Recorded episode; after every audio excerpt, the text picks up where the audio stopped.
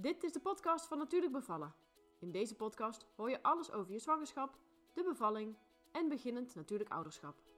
Mijn naam is Rieneke de Kroon, moeder van twee kinderen en schrijfster van het boek Natuurlijk Bevallen. In dit boek lees je alles over hoe jij je bevalling op een zo natuurlijk mogelijke manier zelf kunt voorbereiden. Wat je eraan kunt doen om het vertrouwen te vinden in je lichaam en je baby. En hoe je bevalt vanuit regie. Doordat jij goed voorbereid bent op wat gaat komen en jij dus weet wat je wilt, wordt het jouw bevalling waar je positief op terug kan kijken. Tijdens deze podcast komen diverse onderwerpen uit mijn boek aan bod. Maar laat ik ook anderen hun mooie en inspirerende bevalervaring vertellen. Wil je na het luisteren van de podcast en het lezen van het boek nog beter voorbereid zijn op je bevalling? Ga dan voor de cursus Natuurlijk Bevallen. Meer informatie over dit alles vind je op mijn website natuurlijkbevallen.nl. Veel luisterplezier!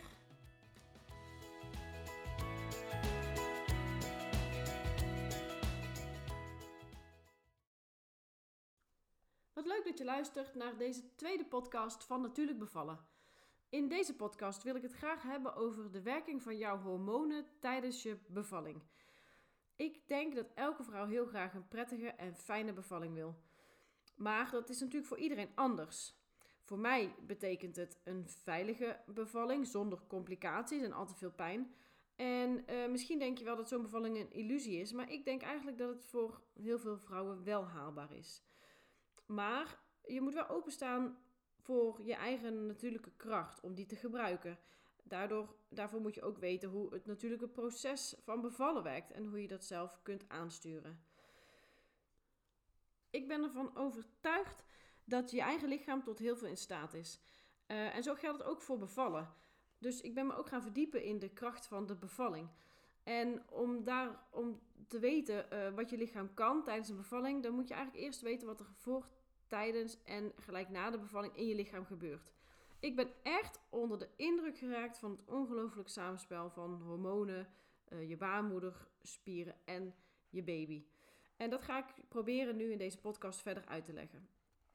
Er zijn heel veel uh, belangrijke hormonen die tijdens de bevalling een hele grote rol spelen. Door je bewust te zijn van de werking van deze hormonen kun je de aanmaak daarvan bevorderen. En echt waar, het werkt beter dan de beste pijnstilling die er bestaat. Ik begin bij het hormoon prostaglandine.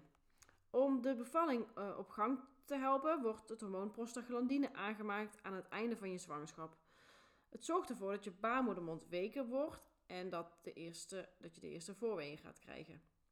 Je hersenen worden door de stijging van het prostaglandinegehalte aangezet om het hormoon uh, oxytocine te gaan produceren, wat je bevalling gaat vorderen.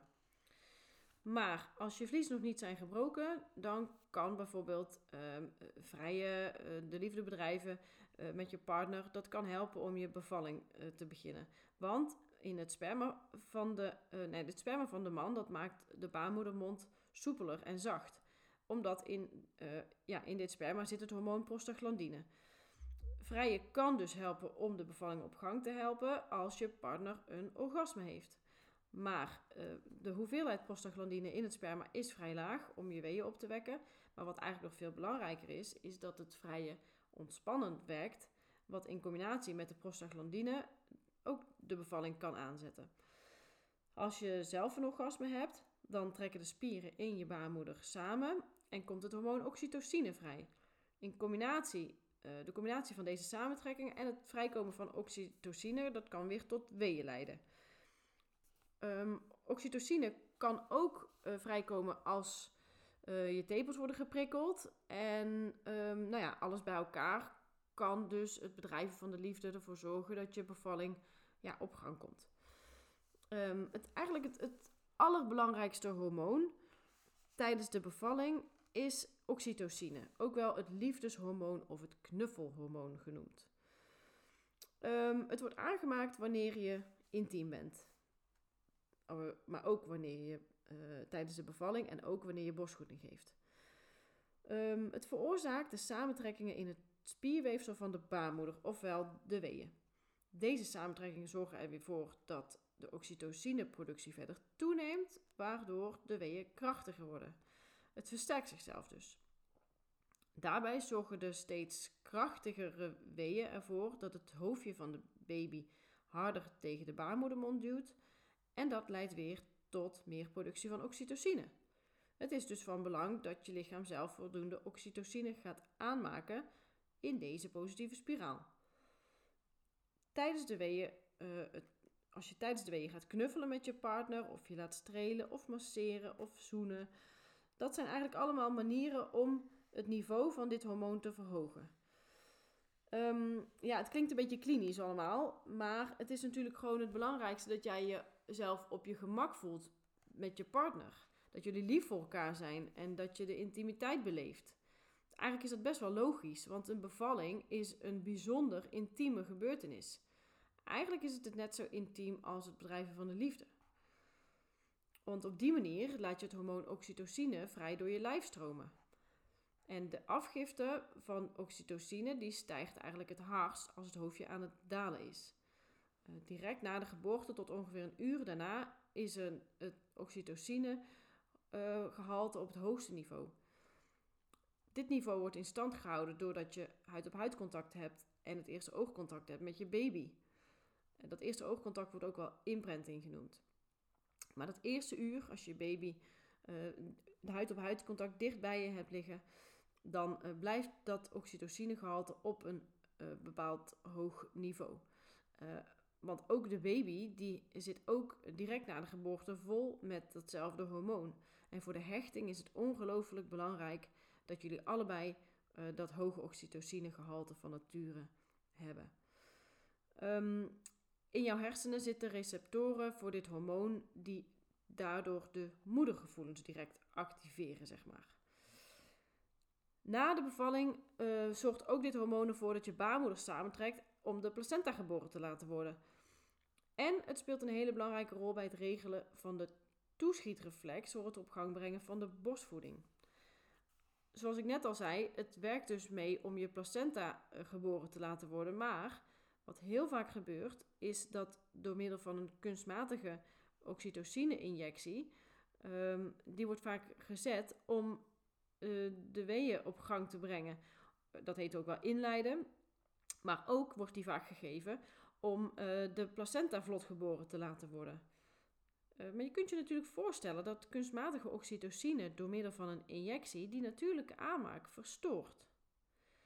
Terwijl juist deze natuurlijke vorm zo nodig is voor het op gang brengen van de borstvoeding en de roze wolk waar je direct na je geboorte op wilt zitten. Het is van belang dat je lichaam zelf zoveel mogelijk van dit hormoon gaat aanmaken en dat je dus je baby eerst je, je tepel gaat laten zoeken en aan de borst gaat laten drinken. Op deze manier maakt je lichaam de natuurlijke uh, oxytocine, wat ook weer nodig is om de placenta naar buiten te laten komen. Dus het werkt allemaal met elkaar samen. Probeer dat natuurlijke proces uh, niet te veel te verstoren door zo'n injectie toe te laten. Ik heb tijdens mijn beide bevallingen heel duidelijk aangegeven dat ik die oxytocine-injectie niet wilde. In ieder geval uh, niet drie kwartier nadat mijn beide kinderen zijn geboren. Ik kan me voorstellen dat een verloskundige daar anders over denkt. En dan kun je bijvoorbeeld een uh, tijdslimiet daaraan uh, hangen. Dat je zegt van nou, ik wil toch drie kwartier wachten. Want de regel is, op elke regel zijn uitzonderingen, maar goed, de regel is dat die placenta binnen een uur geboren moet worden. Dus je kunt voorstellen om um, drie kwartier te wachten en pas daarna over te gaan tot actie. Laat eerst je lichaam en je hormonen het proberen. Laat, het, laat, laat je lichaam het eerst zelf doen. Dat is mijn advies, in ieder geval. Maar natuurlijk is dit allemaal te bespreken met je uh, verloskundige. En het gaat erom wat jij zelf, heel, wat jij zelf graag wil. Het volgende hormoon waar ik over wil hebben is endorfine. Ook wel een natuurlijke pijnstiller genoemd. Het werkt namelijk rustgevend en het werkt pijnstillend.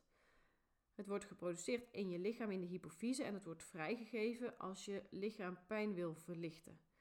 Het wordt aangemaakt bij inspanning uh, en bij pijn en bij stress. En um, ja, het heeft ook het, vermogen om je gelukkig te laten voelen en, en uh, genot te beleven. Dat merk je bijvoorbeeld tijdens het sporten. Maar ook tijdens de bevalling wordt endorfine aangemaakt als reactie op de kracht van je baarmoeder die aan het samentrekken is. Uh, je lichaam wil namelijk dit ongemak verzachten en de ontspanning bevorderen. Vooral in de laatste fase van de bevalling is endorfine eigenlijk het meest actief. En uh, hoe hoger dat endorfinegehalte, hoe meer je je als vrouw kunt afzonderen van de buitenwereld en je dus in je eigen cocon terechtkomt. Hierdoor kun je meer ontspannen en dat maakt ook de aanmaak van oxytocine, uh, komt dat weer ten goede. Vrouwen kunnen de kracht of de pijn die vrijkomt tijdens de bevalling eigenlijk best wel goed verdragen. Uh, maar het beste gaat dit als je die kracht of pijn toelaat. Daardoor maak je weer meer natuurlijke endorfine aan, wat weer ten goede komt aan de beleving van de pijn. Maar als je nou heel erg gaat verzetten tegen die pijn, heb je dus ook minder profijt van dat hormoon. Dus mijn advies ook, probeer die pijn, dat gevoel, die kracht, probeer dat te omarmen. Um, na de bevalling heb je nog steeds heel veel endorfine in je lichaam. En dat zorgt ook weer voor dat je op een roze wolk blijft zitten. Um, en dat zorgt voor, de, voor een, een zorgzaam gevoel naar je baby toe. Als er tijdens je bevalling kunstmatige pijnstilling wordt toegediend, dan heeft dat direct invloed op je eigen endorfine aanmaak. En dat kan de roes en de ontspanning uh, tijdens de bevalling en daarna kan dat dus verstoren. Het volgende hormoon waar ik het over wil hebben is adrenaline. Dit hormoon komt vrij als je uh, stress en spanning ervaart. Als je dit tijdens je bevalling doet, door bijvoorbeeld uh, onrust of een, een, gebrek aan privacy, dan kan deze stress de oorzaak zijn van een enorme toename in je adrenalinespiegel. Uh, je lichaam komt in een zogenoemde vecht- en vluchtstatus. Uh, tijdens de bevalling kan de paniek in één keer toeslaan, bijvoorbeeld. En daardoor gaat je adrenalinegehalte enorm omhoog. Je hartslag gaat omhoog, je ademhaling wordt oppervlakkiger en je bloeddruk kan stijgen. Um, maar het zorgt er ook voor dat deze uh, samentrekkingen in je baarmoeder juist afnemen of misschien wel helemaal verdwijnen. En dat de pijn die je voelt gaat toenemen. Want uh, het blokkeert namelijk de aanmaak van hormonen, oxytocine en endorfine. Dus een te hoog adrenalinegehalte in je, uh, in je lichaam tijdens je bevalling, dat, dat remt eigenlijk het hele proces.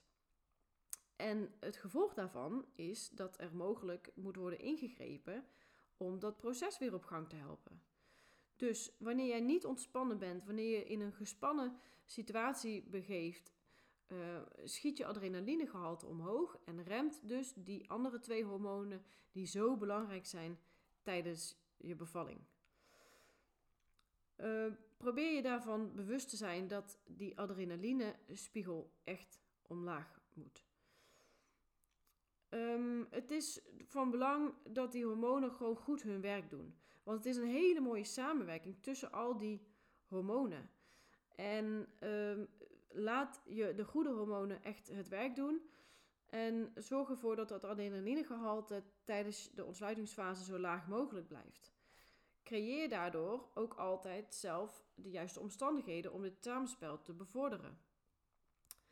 Um, warmte, rust en privacy bijvoorbeeld die zijn juist ontzettend belangrijk om jou dat behagelijke, dat fijne gevoel te geven. Om die hormonen hun werk te laten doen en om dat proces um, in gang te zetten en te bevorderen.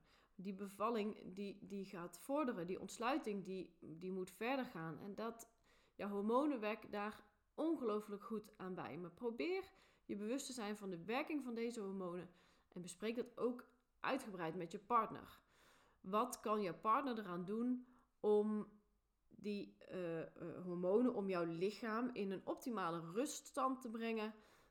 Waardoor dus die hormonen, waardoor je lichaam het werk kan doen en de slechte, om het zo maar even te noemen, slechte hormonen af te remmen. Bespreek het duidelijk met je partner en zet in jouw eh, geboorteplan wat je graag zou willen. Voorbeelden hiervan zijn bijvoorbeeld: uh, laat je partner je rustig uh, masseren. ben lief voor elkaar. Heb begrip voor elkaar. Ehm, laat die jou uh, ontspannen door de lekkere dingen op tafel te zetten die je graag wil eten of drinken. Ehm, kruip zoveel mogelijk in je eigen kokon. En um, sta de, de pijn, die je, de kracht die je voelt tijdens je bevalling, sta deze volledig toe. Omarm het. Het is goed, het is nodig dat je dit voelt en dat je dit ervaart. Dus probeer dat zoveel mogelijk te accepteren.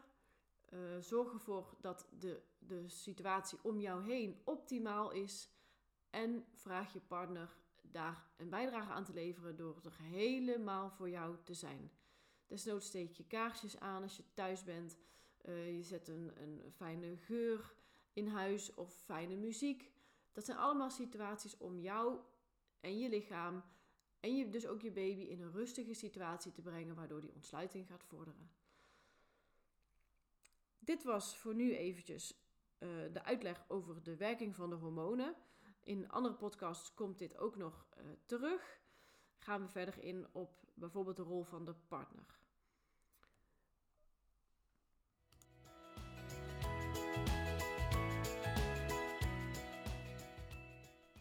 Dit was de podcast voor deze keer. Wil je meer weten over natuurlijk bevallen?